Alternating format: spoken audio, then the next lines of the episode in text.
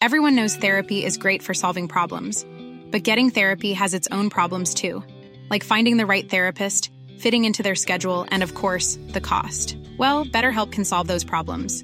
It's totally online and built around your schedule. It's surprisingly affordable too. Connect with a credentialed therapist by phone, video, or online chat, all from the comfort of your home. Visit betterhelp.com to learn more and save 10% on your first month. That's BetterHelp H E L P. Millions of people have lost weight with personalized plans from Noom, like Evan, who can't stand salads and still lost 50 pounds. Salads, generally, for most people, are the easy button, right? For me, that wasn't an option. I never really was a salad guy. That's just not who I am. But Noom worked for me. Get your personalized plan today at Noom.com. Real Noom user compensated to provide their story. In four weeks, the typical Noom user can expect to lose one to two pounds per week. Individual results may vary.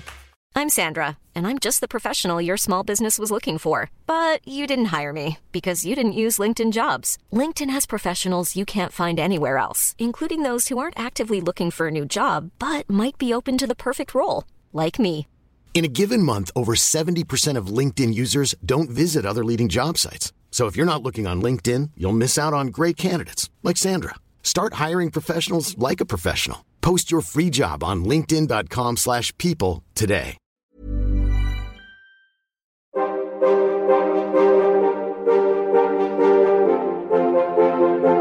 Oudheid is fascinerend. Een enorme puzzel waarvan we stukjes hebben. En heel veel stukjes ook niet. Al op de basisschool trokken de verhalen over het oude Egypte, de Romeinen, Griekse mythen, het oude China en het onderzoek naar al die oude culturen en mensen me als een magneet naar zich toe. En ik wil meer. Graag neem ik, Timo Epping, je in deze podcastserie mee op reis naar het verre verleden. Ik ga in gesprek met wetenschappers die ons in iedere aflevering een uurtje meenemen in hun eigen onderzoek. Hun eigen zoektocht naar de oudheid. Het is tijd voor de oudheid.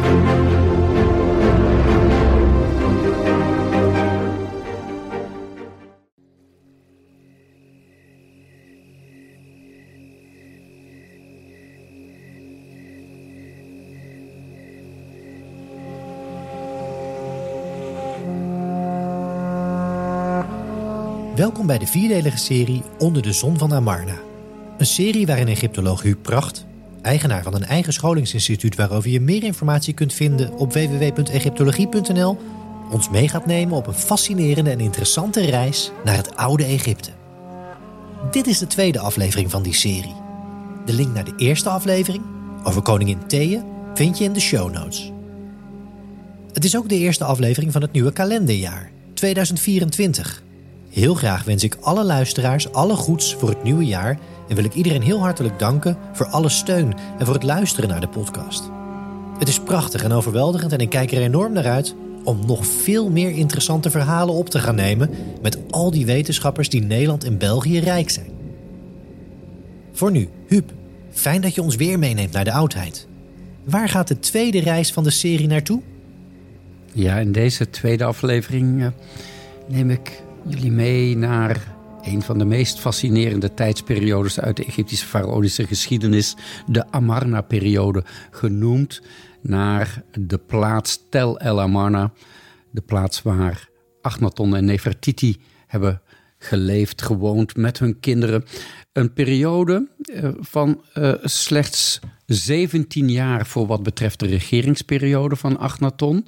Uh, maar die stad is 12 jaar uh, bewoond, omdat in het vijfde regeringsjaar pas een verhuizing heeft plaatsgevonden. Het is een tijdsperiode waarin in, een heel kort tijdsbestek heel veel gebeurt.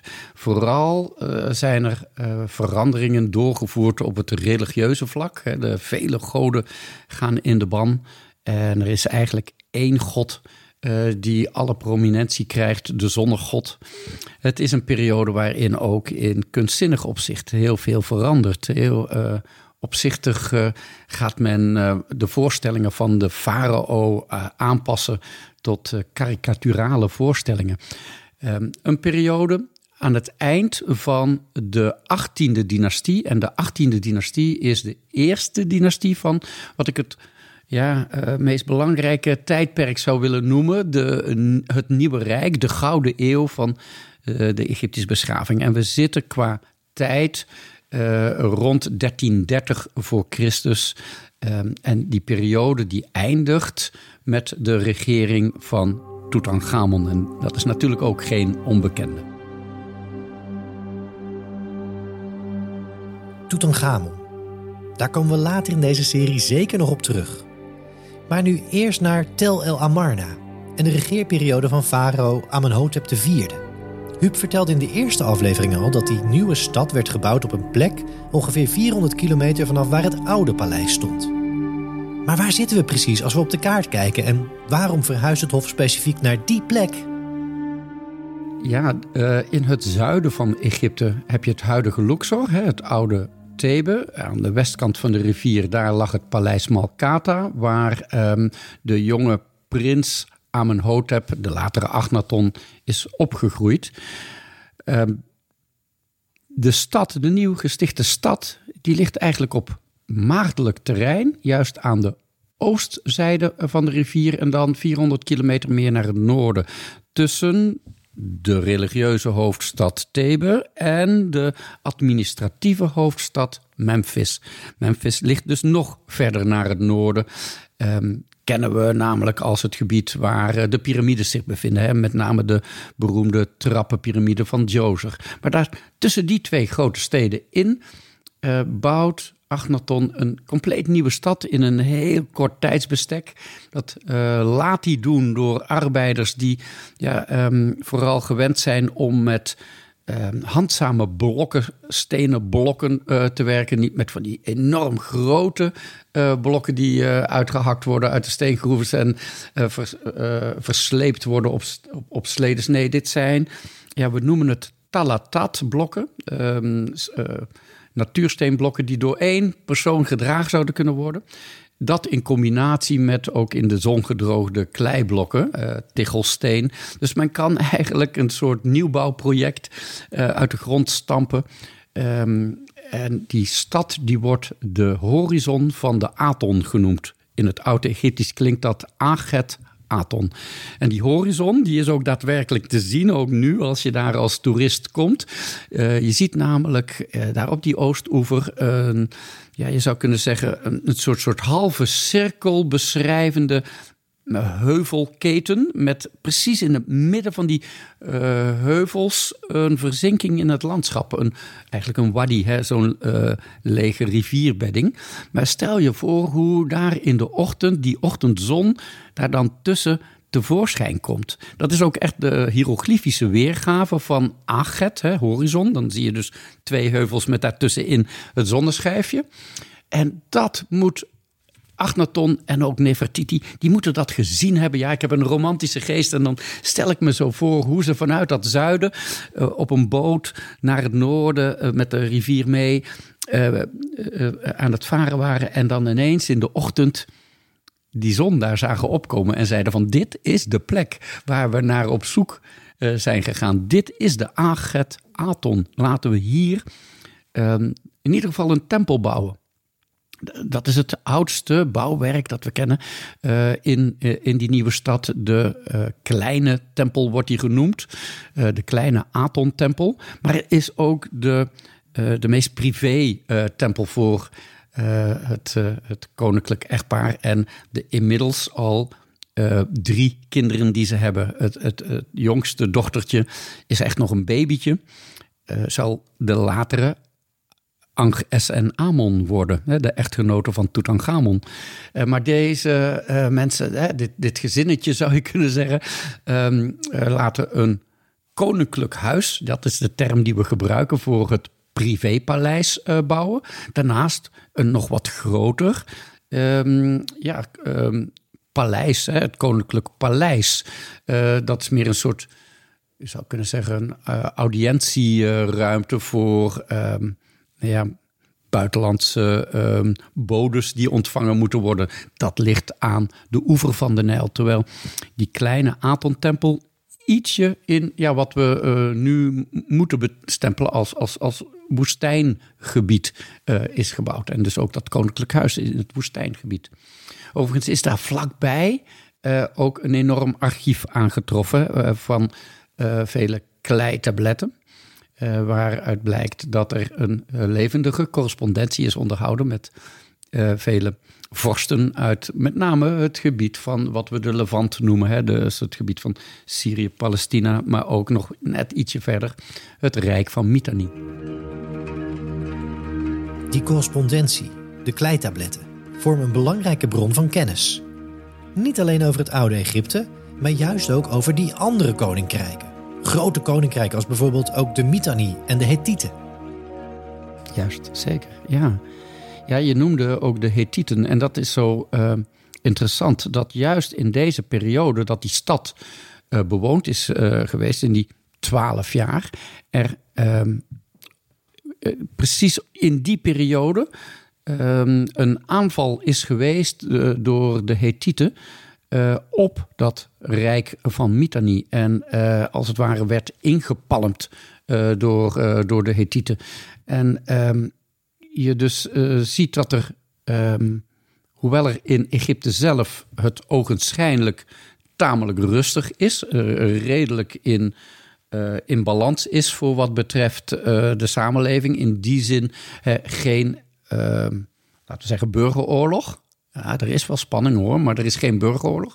Maar dat er in het buitenland wel wat gebeurt. En Agnaton um, krijgt heel veel signalen uit het buitenland, dat weten we zeker. Uh, waarbij gezegd wordt: uh, doe wat, uh, grijp in, help ons, of met name vanuit Mitani. Maar hij doet helemaal niets. Hij doet niets. Hij heeft eigenlijk maar één echt belangrijk doel en dat is het dienen van de Aton. En hij gelooft werkelijk dat als hij die zonnegod maar voldoende tevreden stelt, dan zal alles ook in balans blijven in de samenleving. Ehm, we weten het op basis van de voorstellingen natuurlijk, waarin hij samen met Nefertiti vele offers geeft aan de zonneschijf. Maar we weten het ook uit een passage uit de grensstijlen rondom de stad. Hij heeft bij de bouw van de, van de uh, stad aanvankelijk zich alleen op de oostoever gericht. Ehm, maar er komt nog een uitbreiding naar de overkant van de rivier aan het westen. En dat wordt afgebakend met ja, rechtstreeks uit de rotsen uitgehakte uh, ja, stenen inscripties die we stijlen noem, stijles noemen. Ook soms gewoon een opgerichte steen, hè, als het ergens in het landbouwgebied uh, die, die, die grens uh, getrokken wordt. Maar daar staat heel duidelijk dat hij de grens niet zal overschrijden. En ja, dat kun je natuurlijk op twee manieren uitleggen. Zal hij die grens niet meer verleggen, de stad nog groter maken, of, en dat denk ik, fysiek de stad nooit meer verlaten? Ik geloof werkelijk dat Agnaton vanaf het moment dat hij daar is gaan wonen, die stad nooit meer heeft verlaten. Dat hij nooit op bezoek is geweest. Bijvoorbeeld in het zuiden weer terug in, um, in Thebe of naar het noorden, naar Memphis. Nee, hij liet mensen naar hemzelf toekomen, naar deze Hij behoorde daar te zijn. Hij was degene die dagelijks samen met Nefertiti de orde in stand moest houden door die offers te geven. En ja, wat er in het buitenland gebeurt, er gebeurt van alles. Dat, ja, hij hoort het wel aan, maar hij, hij doet niets. Dat is natuurlijk toch ook wel een heel onmerkelijk uh, gegeven. Voordat we verder gaan met het verhaal, moeten we eerst goed begrijpen wat dan de Aton is. Huub, hoe moeten we ons dat voorstellen? Hoe kunnen we vanuit het heden bij dat geloof komen? Bij wat of wie de Aton is? Nou, ja, weet je, je leest wel vaker um, laten we zeggen, de hele simpele uitleg over wat er gebeurt hè, in die 18e dynastie. Dat er dan een farao ook komt die alles op zijn kop zet. En dus een hele nieuwe religie sticht. Nou, dat is beslist niet het geval. Hij, Agnaton, grijpt juist terug op hele oude waarden. De zon, al vanuit het Oude Rijk, die eerste grote bloeiperiode, was de belangrijkste god in Egypte. En men had natuurlijk maar al te goed door dat die zon leven schenkt. Zonder zonlicht is er geen leven mogelijk. De planten gaan groeien. Dat hebben de oude Egyptenaren natuurlijk altijd wel geweten. Die zonnegod Ra, zoals die genoemd werd, gaat zelfs een alliantie aan met de god uit uh, Thebe, hè, de god Amon tot Amon-Ra. Uh, en het is daar waar uh, het dan niet helemaal ehm, goed meer gaat. Die priesters van Amon krijgen ongelooflijk veel macht. Um, wordt eigenlijk een min of meer een soort bedreiging voor het koningshuis. En je ziet een tendens dat al in de tijd van Amenhotep III er een, uh, een voorkeur uitgaat naar het Ra-principe. Met name Ra in de ochtend, hè, wanneer die in het oosten verschijnt. Dan wordt die Ra Horus genoemd. Het is wat ingewikkeld, maar uh, Ra Horus die in de horizon is. Ra Hor Ageti, hè, daar hoor je weer dat woord Aget in. Um, dat is met name in de tijd van Amenhotep III heel belangrijk. En dan wordt die god, Ra Horachte, ook wel vaker Iten genoemd, oftewel Aton. Iten is het oud-Egyptische woord voor Aton. En dat betekent niets anders dan zichtbare schijf. Dat woord was al bekend hoor. Dat is niet een uitvinding bijvoorbeeld door Agnaton. Dat is een woord dat je ook al in het Middenrijk tegenkomt. En in, ook in het Nieuwe Rijk verschillende malen tegenkomt. Als een manifestatie van die zonnegod. En met name de jonge ochtendzonnegod. En dat is waar Agnaton zich enorm op gaat richten. En je kunt je afvragen: is dat dan puur de invloed geweest van zijn vader? Is het misschien ook niet de invloed geweest van zijn moeder? En in de vorige aflevering hebben we gesproken over hoe Thea uh, in mijn uh, optiek uh, een Mitanni-achtergrond heeft. en het is met zekerheid te zeggen dat in Mitanni, in die tijd hè, van die 14e eeuw voor Christus, dat daar een zonnecultus heerste. Weliswaar, moet ik er even bij zeggen, de zonne, God was een ik moet zeggen, een godin. Het was een godin. Uh, werd Geppa genoemd. Maar een zonnecultus. En ja, dat is ook niet helemaal onbelangrijk dat het een godin was. Want ik sprak al eerder over hoe vrouwen, met name in de tijd van Amenhotep III, een hele belangrijke rol spelen. En we zullen ook gaan zien dat ook de vrouw van Agnaton, Nefertiti, een enorm belangrijke rol gaat spelen. Als je zou kunnen zeggen, aardse representant van die zonnegod. Um, beide, het, het, het echtpaar samen, vormen samen met uh, de zichtbare schijf een soort heilige drievuldigheid, zou je kunnen zeggen. Goed, die, um, die, die cultus dus voor die, uh, die zonnegod Aton is wat het meest uh, in het oog springt en waarvan men altijd zegt van ja, dat uh, is ook het begin van het monotheïsme. Nou, dat wil ik onmiddellijk bestrijden. Dat is niet zo. En dat wordt toch heel vaak nog genoemd. Uh, ook dan zelfs in,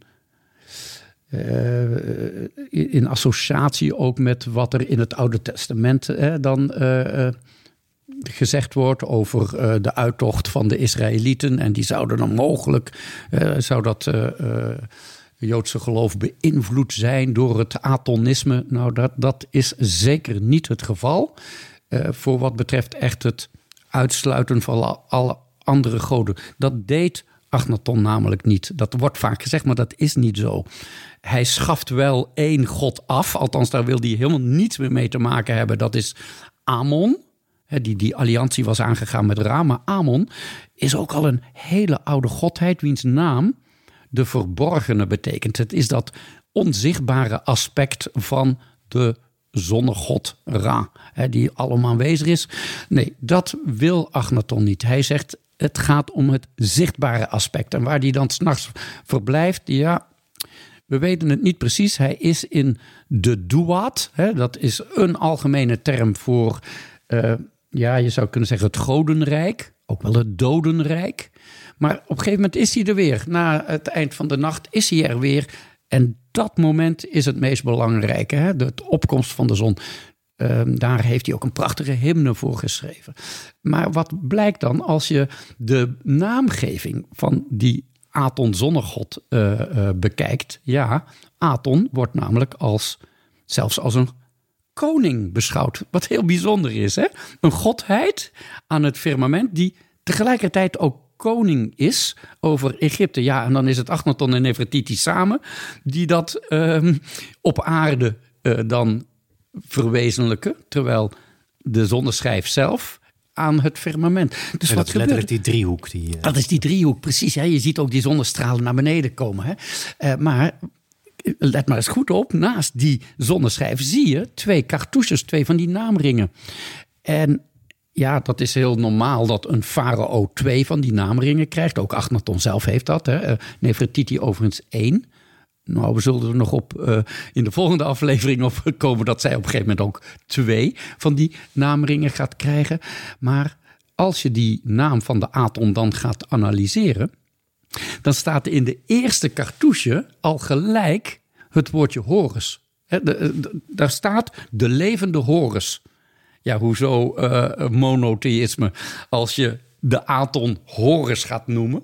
Sterker nog, daar staat Ra-Horus, want die valk, Horus, heeft een klein zonneschijfje op zijn hoofd. En dan staat daaronder, er staat dan die zich, dus Ra-Horus, de levende Ra-Horus, uh, verheugt zich in de Aget, dus in de horizon.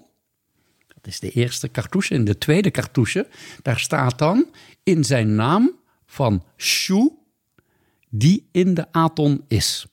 Maar Shu is een naam van een godheid die we kennen uit Heliopolis. Dus uit, uh, laten we zeggen, het begin van de Egyptische beschaving wordt hij al uh, genoemd als het eerste kind van de zonnegod Ra uh, die Shu creëert. En Shu is eigenlijk lucht. Je hoort een luchtverplaatsing in zijn naam. Hè? Het is niet alleen lucht. Zeker in die Aton uh, tijd, die Amarna-periode, is Shu meer dan alleen maar lucht. Het is ook lichtglans. Het is dat wat van de zon afkomt en op aarde terechtkomt. Hè, dus dat uh, leven ook mogelijk maakt. Maar je hoort in die naam, hè, um, het is Rahorachter die zich verheugt in de Aget, in de horizon, in zijn naam van Shu, die in de Aton is. Uh, later, in het negende regeringsjaar, uh, zal die naam van de Aton nog wat veranderen. Uh, en dan zie je dat daar ineens het woordje vader in terecht komt. En voor mij is dat een bewijs dat vader Amenhotep III is overleden. Dus Amenhotep III heeft eigenlijk zitting genomen als, als geesteskracht in die Aton zonneschijf. Dat is zeg maar dat eind van dat co-regentschap. Juist, ja. Heel interessant. Huub gaf al aan dat Agnaton niet zegt dat de andere goden er niet meer zijn, maar eerder dat ze niets meer doen. Hoe zit dat nou precies en wat betekende dat dan in de praktijk? Ja, hij zet ze op non-actief, zo zou je het kunnen zeggen. Uh, hoewel uh, er toch ja, ik sprak al eerder in de vorige aflevering toen we het over Thea hadden, over, over de godin Hathor. Ja, die wordt echt niet in de ban gedaan.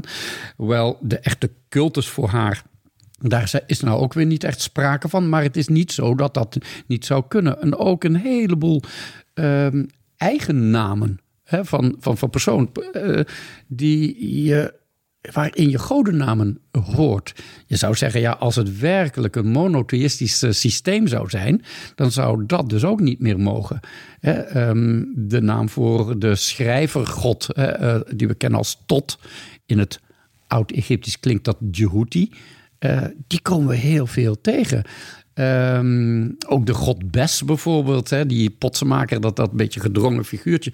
Daar zijn beeldjes van teruggevonden in, in uh, de huizen in Amarna. Ah, ook daar wordt dan over gezegd, ja, maar dat is allemaal in het geheim gebeurd. Nou, ik geloof dat niet zo. Um, het, het is zo dat uh, bepaalde dingen nog wel getolereerd werden.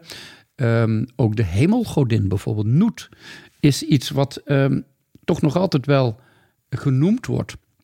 Maar men gaat ervan uit, er is er één, echt de allerbelangrijkste. En dat is die zichtbare schijf. En al het solaire, om zo maar eh, te noemen, alles wat met zon te maken heeft. Dus ook lichtglans, uh, Horus, hè, eh, want hij is de jonge zon, zonnegod. Dat wordt als het maar samengebundeld. En men spreekt dan ook over henotheïsme in plaats van monotheïsme. Dus in één samengebundeld, één dat bestaat uit meer fragmenten, om het zo maar uit te drukken. En is dat dan, want we hebben het hier over de Aton-revolutie. Is dat het revolutionaire erin? Ja, dat is uh, zeker het revolutionaire. Ook in de zin van uh, dat de voorstellingen uh, daarmee veranderen. en er dus ook een naamgeving wordt veranderd. Hè? Dat, dat de Rahorrachte, hè, die uh, oorspronkelijk uh, valkenkoppige godheid op een mensenfiguur met een zonneschijf op zijn hoofd, dan ineens vervangen wordt door louter en alleen dat zichtbare aspect van die schijf aan de hemel, waarvan je die stralen naar beneden ziet komen, eindigend overigens in menselijke handjes. Dus het zijn eigenlijk armen.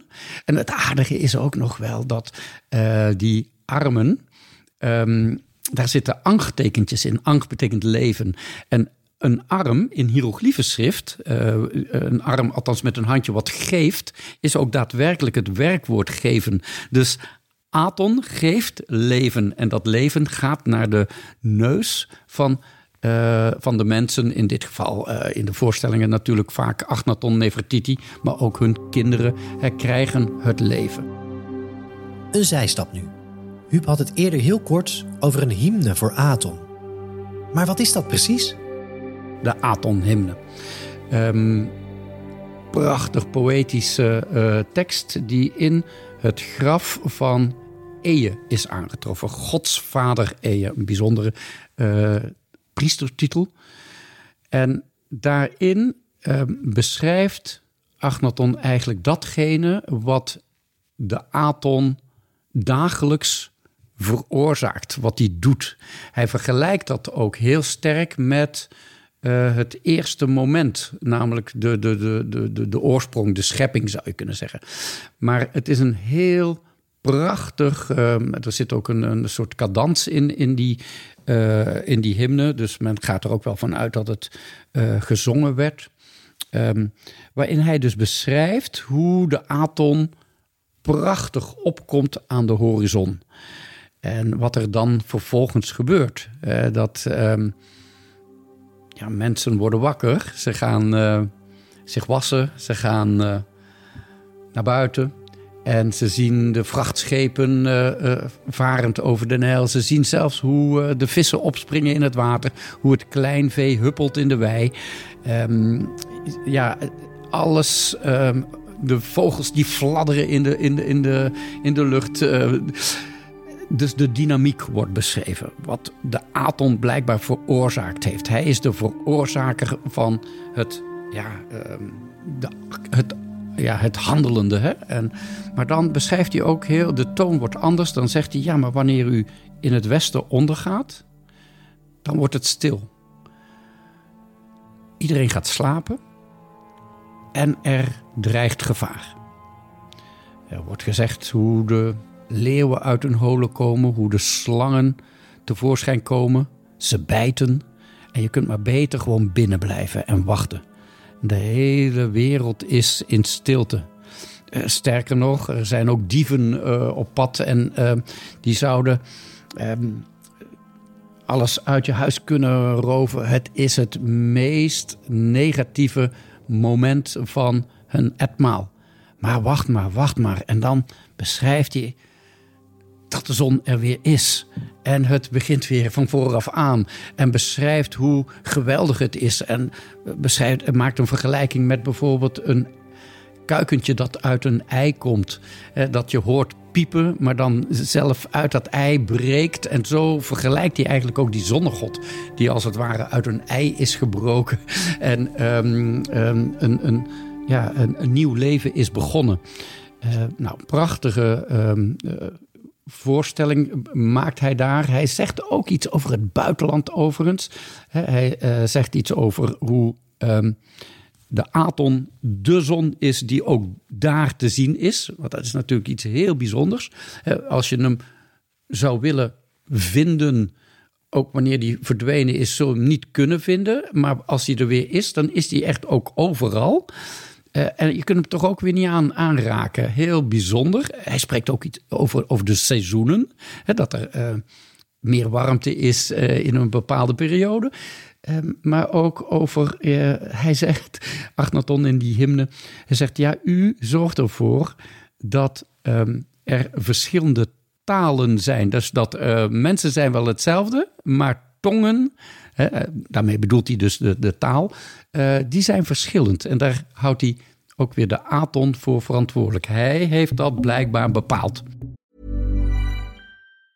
Everyone knows therapy is great for solving problems, but getting therapy has its own problems too, like finding the right therapist, fitting into their schedule, and of course, the cost. Well, BetterHelp can solve those problems. It's totally online and built around your schedule. It's surprisingly affordable too. Connect with a credentialed therapist by phone, video, or online chat, all from the comfort of your home. Visit betterhelp.com to learn more and save 10% on your first month. That's BetterHelp, H E L P. Burrow is a furniture company known for timeless design and thoughtful construction, and free shipping, and that extends to their outdoor collection. Their outdoor furniture is built to withstand the elements, featuring rust-proof stainless steel hardware, weather-ready teak, and quick-dry foam cushions. For Memorial Day, get 15% off your Burrow purchase at burrow.com slash ACAST and up to 25% off outdoor. That's up to 25% off outdoor furniture at burrow.com slash ACAST.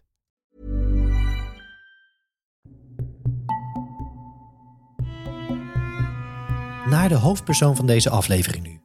Amenhotep vierde. En hij werd Agnaton. Huub, zou je ons in zijn leven, zijn carrière mee kunnen nemen? Ja, zeker. Ik, uh, we weten dit niet zeker, maar ik denk dat hij geboren is in Thebe, in dat paleis. Uh, als uh, de tweede zoon hè, van uh, Amenhotep III en Thea. En al eerder heb ik verteld dat ik denk dat hij heel toch relatief beschermd is opgegroeid. Dat wil zeggen, de oudste zoon Toetmozes werd opgeleid om zijn vader op te gaan volgen. Maar wat vaak gebeurt is dat dan zo'n tweede zoon um, onder de hoede wordt genomen um, van moeder en ook wel uh, vaak een priesteropleiding krijgt.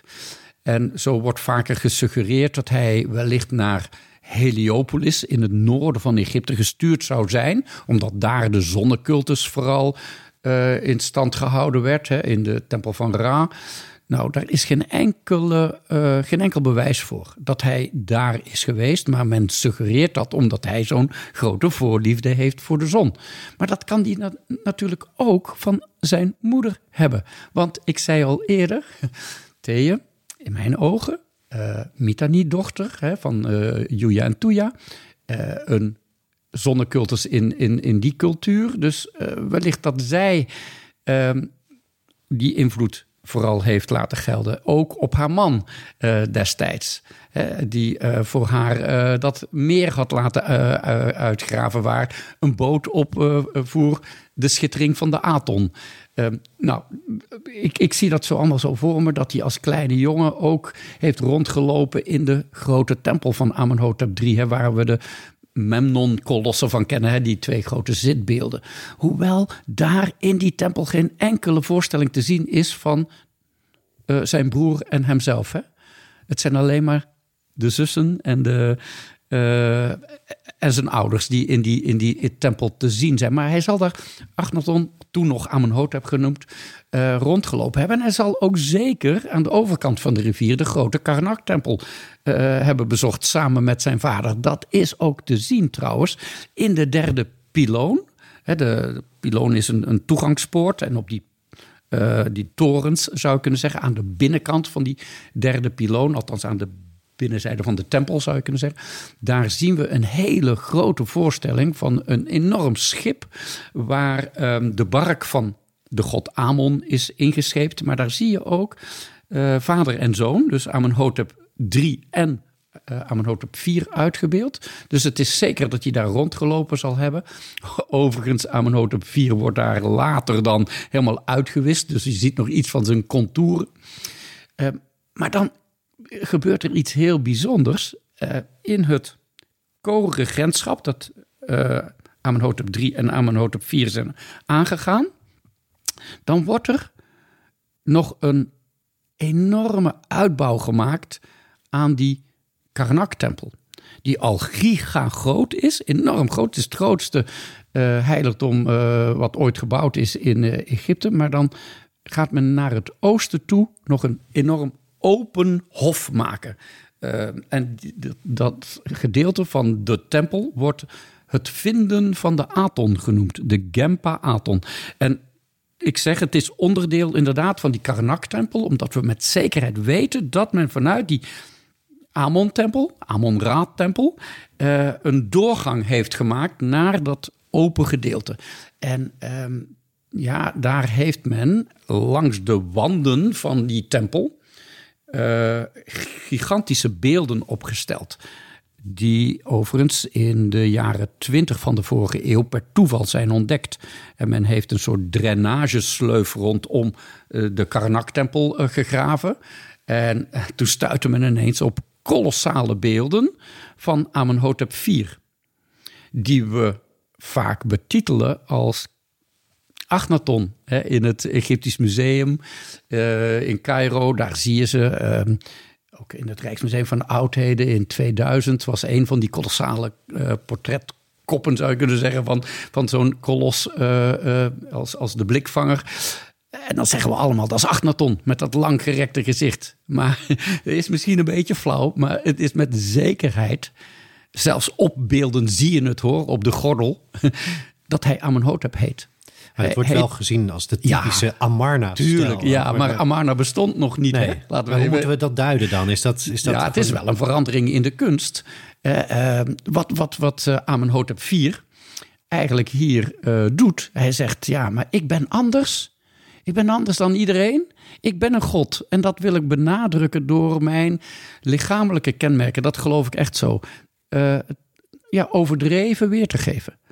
Hij had een wat langer gezicht. En um, het valt ook zeker niet uit te sluiten dat hij misschien zelfs aan een syndroom uh, leed. Dat, dat, is niet mijn uh, bedenksel. Dat is al jaren geleden ooit een keer gesuggereerd. En daar is zeker wat voor te zeggen. Het Marfan-syndroom. dat is een waar de, laten we zeggen, de ligamenten, de weken delen tussen, tussen je ledematen nog wat uh, meer loslaten. Waardoor je lange vingers, lange armen, lange benen, terugneigende knieën krijgt. Ook je onderkaak wordt wat losser. Het kan zelfs leiden tot blindheid. Um, ja, is vaak gezegd, ja, maar dat kan helemaal niet, want Marfan zou onvruchtbaarheid. Eh, dat is niet zo. Er zijn drie verschillende varianten van, die, van dat syndroom. En je kunt wel degelijk nog kinderen verwekken. Maar het zou kunnen zijn dat hij daaraan leed.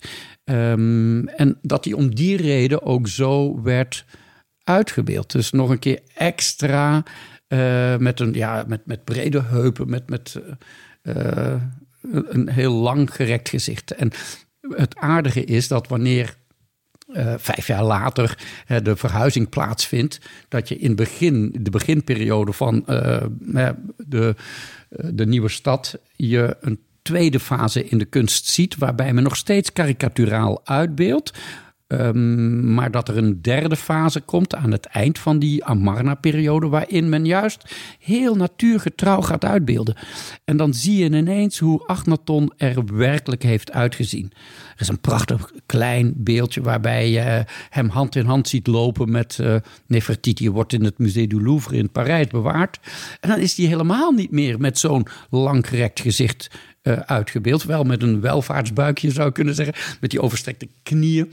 Um, en ik geloof ook daadwerkelijk dat um, in de iconografie, dus in de, in de voorstellingen in reliefs, maar ook in beelden, dat ook Nefertiti zo werd uitgebeeld. Eén van de beelden die gevonden is daar in die Gempa-Aton, daar nog in Thebe, is, um, ja, men zegt vaak geslachtsloos Um, en dan zegt men ja, dat heeft te maken met uh, dat Aton uh, zowel man als vrouw is en uh, vader en moeder van, van, van, van de mensheid. Nee, die weergave is wel degelijk Nefertiti.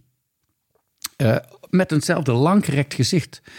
Dat kan ik zo beweren, omdat er ook Talatat-blokken zijn teruggevonden uit diezelfde tempel. Die zijn overigens als vulmiddel voor uh, piloontorens gebruikt. Dus die zijn heel goed bewaard gebleven eigenlijk. Uh, met mooie kleuren. En dan zie je dat Nefertiti dezelfde gelaatskenmerken gaat krijgen van een langgerekt gezicht. Weliswaar heeft zij een wat lichtere huidskleur dan haar man. Dat is traditioneel zo. Ehm, maar ze lijken als twee druppels water op elkaar. En dat is na de verhuizing ook nog steeds het geval. Sterker nog, wat gaat men doen? Men gaat één voorstelling maken van hen beiden. Want hun beider naam staat bij die voorstelling. Maar dan aan het eind van die Amarna-periode... dan zie je dat men natuurgetrouw gaat uh, weergeven. En dus het beroemde beeld dat wij kennen... als, als ik het woord Nefertiti zeg denkt iedereen natuurlijk aan dat prachtige beeld wat in Berlijn wordt bewaard. Maar dat is, dat moet wel eigenlijk het allerlaatste beeld zijn geweest wat ooit gemaakt is in die stad. En dus heel natuurgetrouw. En je ziet daar ook zelfs een klein beetje wallen onder haar ogen. Het is niet meer de aller, allerjongste. Ze zal ja, ongeveer 30 jaar oud zijn. Ja, en moet je dat, eigenlijk die golfbeweging in, in stijlkenmerken, ja. zou je bijna kunnen zeggen, moet je dat echt duiden als ja, het verstrijken van tijd? Of zitten daar ook echt andere gedachtenpatronen op? Ja, dat is een hele goede. Ehm, was het maar zo dat uh, Achnaton en Nefertiti daar een prachtige handleiding bij hebben geschreven? Om die reden doen we dat. Dat weten we natuurlijk niet precies. Maar je kunt je wel voorstellen, heel goed voorstellen, dat. Ehm, een Agnaton ja, wil zichzelf neerzetten met andere ideeën. Althans, behoorlijke accentverschuivingen. Namelijk terug naar de oorspronkelijke vorm van de zonneschijf. Niks, geen verborgen toestanden. En uh, nee, dat wat werkelijk leven geeft, dat is die zonneschijf. En ik ben zijn representant op aarde. Ja, uh, hoe onderscheid ik mij van alle anderen? Nou ja, ik zie er al wat anders uit. En laat dat dan maar overdreven uh, ook zo zien. Um, maar dan zie je dat er blijkbaar toch in die periode van zijn regering uh, er wat verandering in inzicht is. Uh, of in ieder geval um, hij ook heel graag samen met Nefertiti um, het moment vangt. Dat is ook iets wat heel anders is dan voor die tijd. Wat wil ik daarmee zeggen? Als je kijkt naar voorstellingen uit het Oude en Middenrijk en begin van het Nieuwe Rijk, dan worden koningen altijd, uh, laten we zeggen, jong volwassen uitgebeeld. Hoe oud ze ook worden of hoe jong ze ook zijn. Dat geldt ook voor prinsen die zijn, en prinsessen. Die zijn allemaal op dezelfde leeftijd. Nou, bij de Amarna-periode is dat helemaal anders. Dan zegt hij gewoon: ja, maar probeer het maar zo, zegt hij tegen de, de beeldhouwers, probeer ons maar zo werkelijk mogelijk uit te beelden. En vandaar dat je op een gegeven moment een natuurgetrouwe voorstelling gaat zien, minder karikaturaal. De, de beeldhouwers laten die meisjes ook in hoogte verschillen. De een is ouder dan de ander, maar ook ze worden daadwerkelijk ouder. Eh, eh, dus ze, veranderen in, in, in uh, gestalte. En dat gebeurt dus ook bij het koninklijk echtpaar. Dus ik zeg vaak, ja, dit, dit echtpaar was natuurlijk ook helemaal bevlogen. Ze hebben een nieuwe stad gebouwd. Uh, ik denk vaak dat ze een beetje. Je zou een beetje kunnen vergelijken met wat er in de jaren zestig uh, in, in Europa en in Amerika gebeurde. Hè? De flauwe power-achtige dynamiek. En ja, heden ten dagen hebben we allemaal een mobiele telefoon en maken we selfies. Nou, ik denk dat zij, als zij die hadden, ook de hele dag bezig waren. Want laten we maar even dit moment vastleggen. Laten we even dat vastleggen. En dat zie je ook in de voorstellingen. Hè? Uh, uh, opvliegende pijlstaarten. Hè? Die eenden die tussen de papieren je hoort ze bijna fladderen. Of je, je, ziet uh, een, een stierkalfje met zijn, staart zwiepen tussen het ruisende papieren. Dat is wat Achnaton en Nefertiti vooral wilden vastleggen. Dus nogmaals, die dynamiek, ook de kleuren die zij gebruikten die waren heel primair. En wij kennen Egypte vooral als een soort pasteltinten. En, en zeker als je aan Amarna denkt, ja, dat is woestijn en afgebrokkelde muren. Maar de, paleizen waren, als je ze helemaal zou herstellen, hele harde kleuren, hele felle. Uh, ja, wij leven nu. En we, we, hebben het te danken aan die godheid daarboven, hè, die zonneschijf. Die gunt het ons. Ja. Fascinerend. Altijd goed om jezelf dat voor te houden veel van wat je in musea ziet, was in de oudheid beschilderd. Maar Huub, we zijn nu in Thebe geweest. Het hof is verhuisd naar Tel El Amarna. En we hebben daar kennis kunnen maken met Agnaton, Nefertiti en hun dochters. En hebben gehoord over de Aton-revolutie. Maar een grote vraag die dan open blijft staan: wat gebeurde er in deze periode in de rest van Egypte? En met dat begrip revolutie in het achterhoofd, wat gebeurt er elders om dat te bevestigen, dan wel te nuanceren? Ja, dat is, dat, dat is toch ook wel heel fascinerend. Mij wordt heel vaak gevraagd van hoeveel mensen woonden dan in Egypte? rond die tijd, nou ja, schattingen lopen heel, uit, heel erg uiteen, maar laten we het hebben over een miljoen. Wat weten we daar nou over? We weten dat de stad die gesticht is op basis van de archeologische vondsten die gedaan zijn, van al die huizen die gebouwd zijn, uh, dat in de hoogtijdagen daar zeker wat 20.000 mensen hebben gewoond. En dat waren voornamelijk uh, ja, mensen die geselecteerd waren. De, de, de belangrijke ambtenaren die uh, trouw hebben gezworen. Uh, de kunstenaars, de priesters, uh, alle mensen die iets konden, zou je kunnen zeggen. De elite van Egypte kwam daar tezamen. Maar hoe zit het dan? Wat is er dan achtergebleven in Thebe? Bijvoorbeeld. Of hoe zat het in Memphis, in die administratieve hoofdstad? Of elders in Egypte, in de Delta of meer in het zuiden van die periode weten we, die 17 eh, jaar dat Achnaton geregeerd heeft, samen met Nefertiti overigens, weten we eigenlijk heel weinig van wat er elders in het land gebeurt. Ja, we weten dat er in Memphis een tempel is geweest voor de Aton. Dat weten we op basis van de archeologische opgravingen door het Rijksmuseum van Oudheden. De, uh, het graf van uh, Merira, uh, prachtige, prachtig graf waarvan we weten dat hij uh, dienst deed, hè, Meri Ra, in de, in de uh, Amarna-periode, in de tempel van Aton in Memphis. Maar waar die tempel gestaan heeft, weten we niet. We weten eigenlijk heel erg weinig. En ga er maar vanuit dat het heel bewust was verboden door uh, Achnaton om nog allerlei monumentale inscripties te maken. Um, je kunt je voorstellen dat we zoveel weten over Egypte op basis van natuurlijk inscripties op tempelwanden, uh, inscripties in of schilderingen in graven. Maar als Agnaton gewoon beveelt dat die hele cultus voor Amon done is, dus die tempel gaat dicht, um, ja, eh, dan hebben wij dus ook het nakijken. Wij weten dus ook niet precies. Tuurlijk, ze zullen het overleefd hebben. Maar, maar hoe? Um, ga er maar vanuit hoor. Repressie. We denken heel vaak over uh, Achnaton en Nefertiti. Ik noemde ze net, hè, de flower power. En zo worden ze ook uitgebeeld in hun privévertrek. Hè. Uh, heel lieflijk hun kindje, het oudste dochtertje, wordt, wordt als het ware gewiegd en gekust door, door uh, Achnaton. Hè, Merit Aton heet ze. En op schoot bij moeder zit uh, Baket Aton en, en het, het, het jonge meisje, het, het, het babytje Anges Empa Aton het ziet er heel liefelijk uit. Maar tegelijkertijd zie je in de graven in Tel El ook, wanneer ze zich verplaatsen van de ene plek naar de andere, dat er uh, lijfwachten meerennen. Uh, en heel diep gebogen en met, met bijlen in hun handen uh, als lijfwachten meegaan. Dus dat ze vijanden hadden, dat is wel zeker. Dat, dat, dat, dat weten we ook op basis van de vernietiging van de stad, zou je kunnen zeggen. Alles is kort en klein geslagen. Uh, dus ze waren zeer gehaat. Ja. Maar dat is allemaal op basis van nou ja, wat ik je vertel, hè, van wat we aan, aan, aan gevolgen uh, zien. Maar wat er exact heeft plaatsgevonden in die plaatsen, we weten het niet. En dat zal wellicht ook altijd een raadsel blijven. Want ja, je gaf het al aan, we, we gaan ook langzaam richting dat einde. Um, er is veel gebeurd, maar het komt ook op de duur ten einde en dat vrij letterlijk.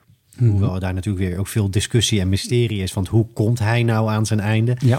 Zou je ons in dat verhaal ook nog mee kunnen nemen? Van wat, wat is er over bekend? Wat is de discussie? En ook wat gebeurt er? Hè? We hebben er ook in de aflevering over Koningin uh, Thea nog wel al aangeraakt. Mm -hmm. Maar wat gebeurt er ook na zijn overlijden? Ja, wel, het bijzondere is, ik gaf al inderdaad al aan hè, dat er ja, zo vanaf dat tiende regeringsjaar uh, ja, wat, wat, wat overlijdens uh, plaatsvinden. Thea sterft, uh, Kia sterft.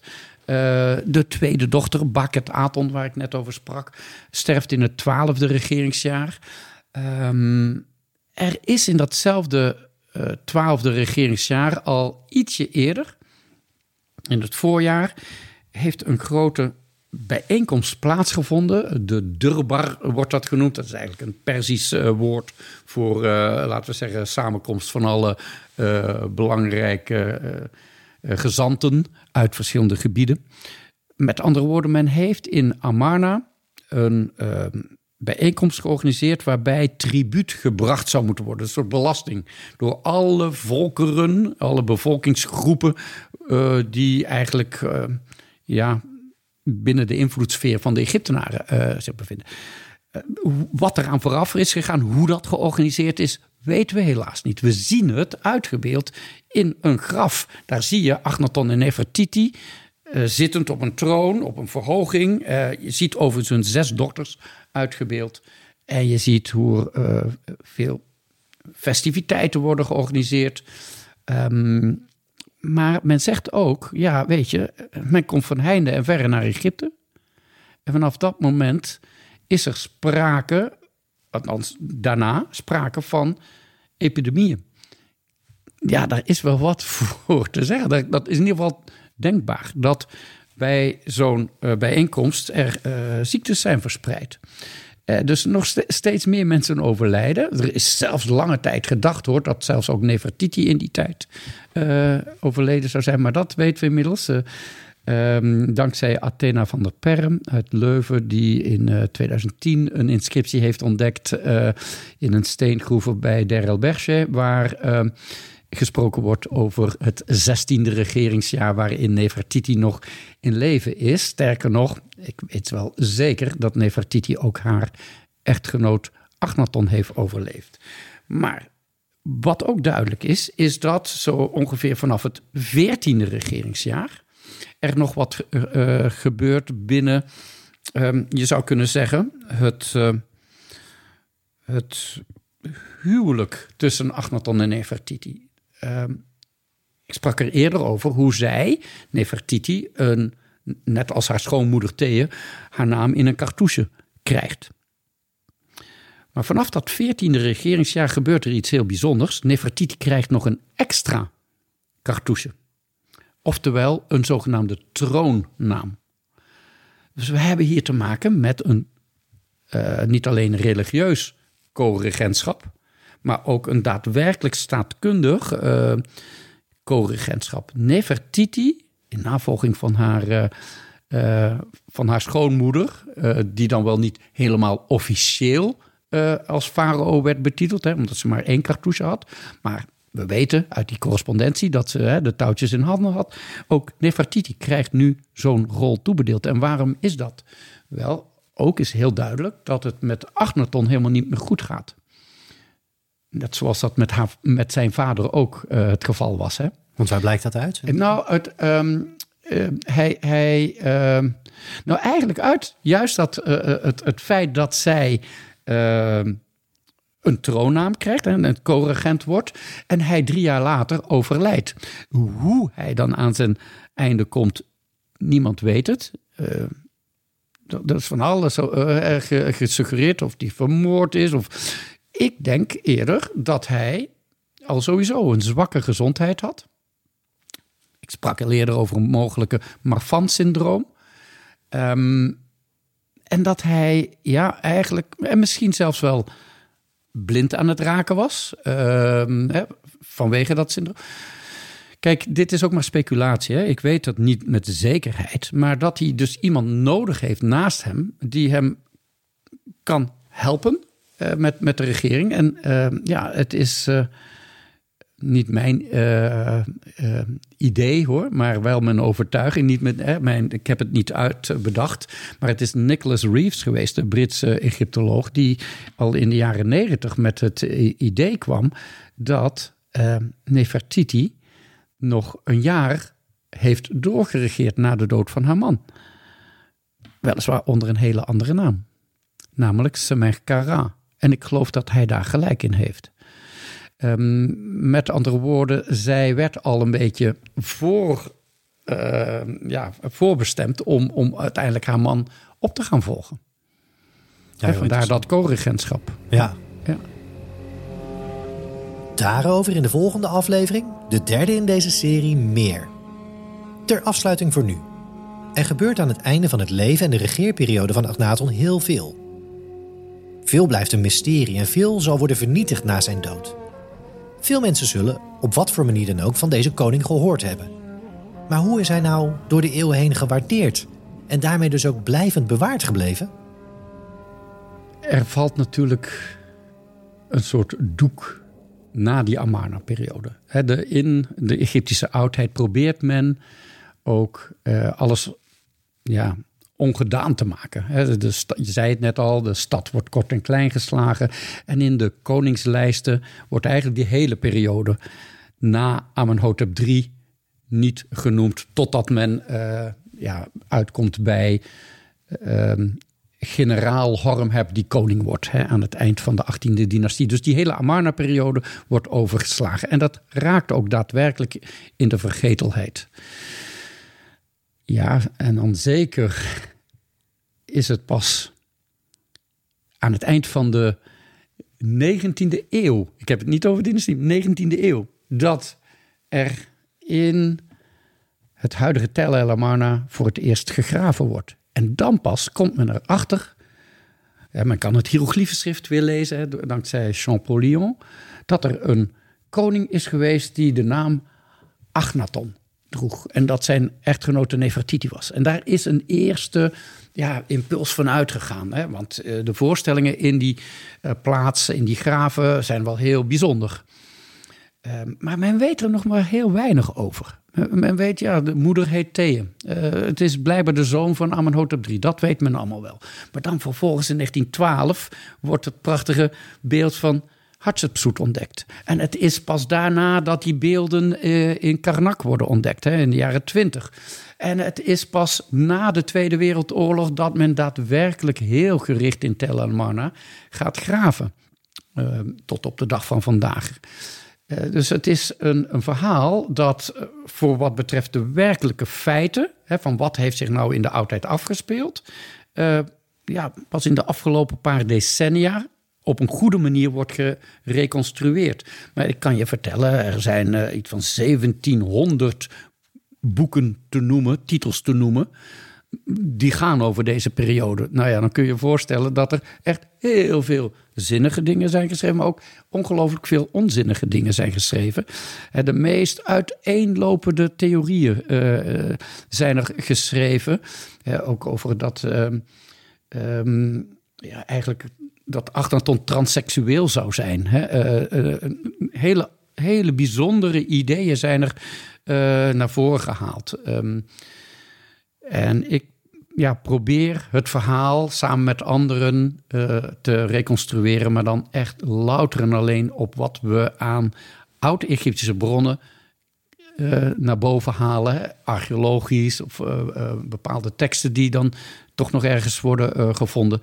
En dat is volgens mij de enige weg om uh, tot, het, tot het verhaal te komen. Dus nogmaals, er zijn ongelooflijk veel ideeën over hem gelanceerd.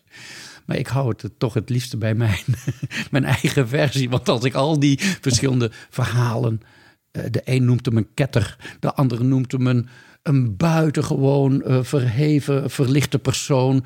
Uh, sommigen zelfs uh, associëren hem met, met Mozes. weer anderen zeggen van nee, maar hij is van buitenaardse komaf. Hè, om maar even wat te noemen. Hoe extreem de ideeën zijn.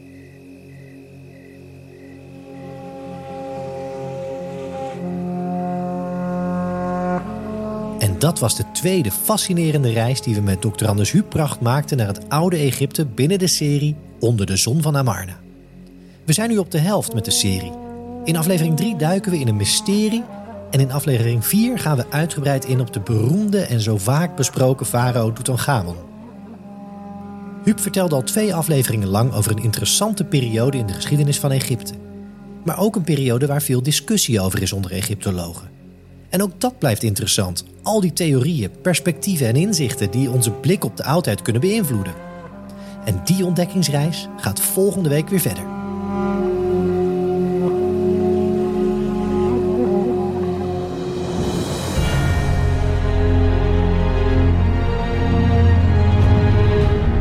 Dank je voor het luisteren naar De Oudheid, de podcast over het verre verleden. En wil je meer oudheid? Vergeet dan niet om de podcast te volgen daar waar jij podcast luistert. Iedere nieuwe aflevering verschijnt dan automatisch in je feed. Likes en reviews worden uiteraard gewaardeerd en vergeet vooral ook niet om de podcast met iedereen die jouw interesse deelt te delen. Heb je ideeën of suggesties voor de podcast? Mail dan naar info@eppingproductions.nl.